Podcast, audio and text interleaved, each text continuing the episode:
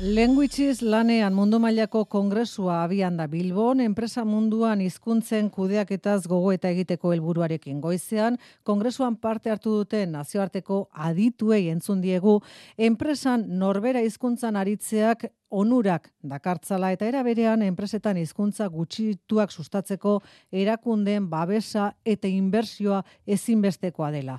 Euskara eta industria eskutik helduta joan litezkela antzualako elai enpresaren kasuak erakusten du esate baterako.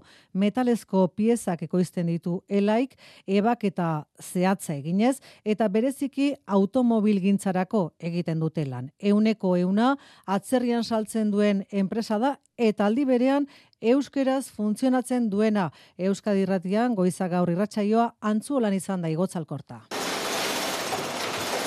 Tailerreko hotxa da hau, berreun langile dituen antzuelako elai lantegiko hotxa beste dozein izan ziteken, baina belarri begiak zabalduta sumatuko ditugu Euskal Herriko enpresetan hain ez diren aspektuak. Euskara entzuten da hitzetik hortzera makina artean zein bulegoetan, eta Euskara da hizkuntza nagusia karteldegietan batzuetan txikiago ingelesa ere aurkituko dugu. Laro marreko amarkadara arte, erabat gazteleraz funtzionatzen zuen enpresa zen ordea, langileak izan ziren eskari egin zutenak iratxe musika elaiko sistema arduraduna da. Mila bederatzi da laro eta zazpian, langileen honeko iruro eta osta Euskalduna zan, eta e, fabrikatik kanpora Euskeraz bizi zan.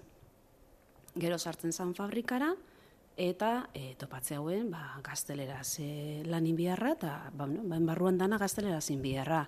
Eta kezka hortatik abiatuta, ba, langile batzordiak eskatu zotzen zuzendaitzari, neurri batzuk hartzea e, Euskalduntze bide horretan, Mila bederatzireun eta larogeita amaikan langileen euneko larogeita amarreko babesarekin onartu zen Euskara plan ausarta. Oinarri batekin, Euskaraz lan egingo zela, ez elebitan. Euneko handi batek, orduan antzuolako lantegian ziren eunda irurogeita bos langiletik eunda hogeita emezortzi pertsonak, aktiboki parte hartu zuten parte planean, Euskaltegi eta alfabetatze klaseak ere izan ziren tartean, terminologia berria erabiltzen ikasi behar izan zen, zail ez zail aurrera aurratsak eman zituzten zaila euskalduntzen zan momentutik, ja neurriak hartzen hasi zian zai horrek euskeraz funtzionatu zezan. Etzan itxoiken bestiei zaila, ja pres baldin badago ba aurrera, ez?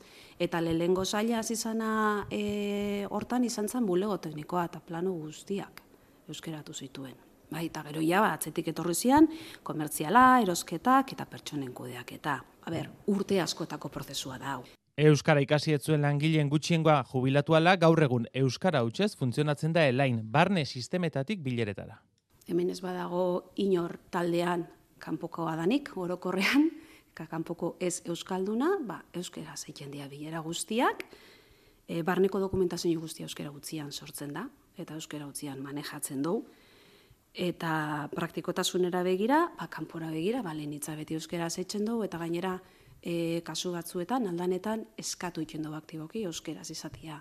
E, harremana kanpoko horrekin ere Noski horretarako kontratazioan euskara irizpideak ezarrita dituzte eta posturen baterako eskatzen den euskara profila ez duen norbait kontratatzen bada, euskaltegi edo barnetegietara bideratzen da. Euskara eta industria eskutik lotuta joan litezkela erakusten duelaik, baina euskeraz jarduteko aleginak beren beregiz enpresari etekin ekonomikoa eman aldio, galdera hori ere egin dugu. Zuzenean behar bada ez, baina ikusten dituzte onurak eta ez txikiak. Elairi enpresa industriala eta euskagun bezeroak eta daukagun merkatua kontuan izan da, Euskeraz lan egiteak ez dutze emaitza ekonomikorik e, ekartzen, ez, dut, ez da hobetzen gure emaitza ekonomikoa.